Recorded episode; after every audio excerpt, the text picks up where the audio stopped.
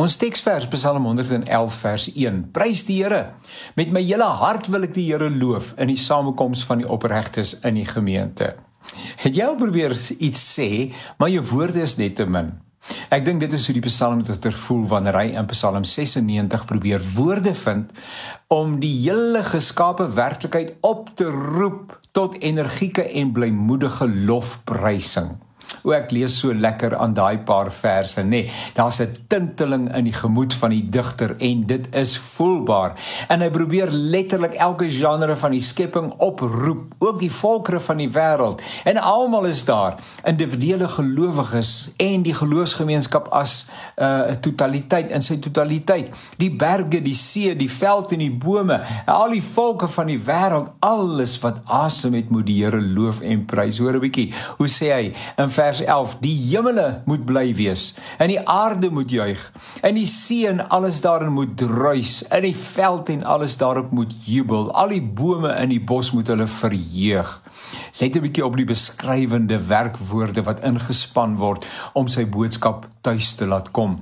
Hy sê wees bly nê nee, dis nou die hemel en die aarde. Hy sê druis so sê hy die see voor nê. Nee, see en alles wat daarin is julle moet aan dit druise kom nê. nee verheug julle in die uh, uh is die voorskrif aan die adres van die bome en die bosse en 'n jubel is sy raad aan die veld. Is dit nie mooi nie? Is dit nie mooi nie? Blydskap en blymoedigheid is aansteeklik. Die swaarmoedigste gees kom in beweging wanneer op die grootheid van God gefokus word. Ons moet leer om weg te kyk van ons omstandighede en te kyk na die een wat nie deur ons uitdagings aan bande gelê word nie. Die atmosfeer verander effens wanneer die aanbidding van die Here aangestip word. Hoor hoe besonder buig voor die Here by sy heilige verskyning. Betoon eerbied aan hom almal op aarde. Ons onderskei tussen lofprysing en danksegging en aanbidding. Aanbidding is iets wat sagter, intiemer, minder luidrugtig en beskeie. Lof roep die gemeente op op te fokus. Aanbidding bring ons op ons knieë.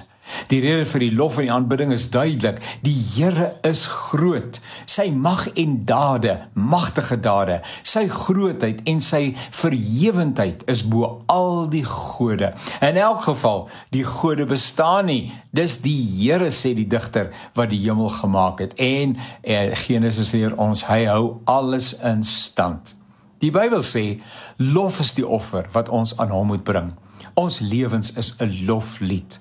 Ons sing sonder dat ons altyd daarvan bewus is. Jou lewe sing. God is groot. Liewe broer en suster, kom ons prys sy naam.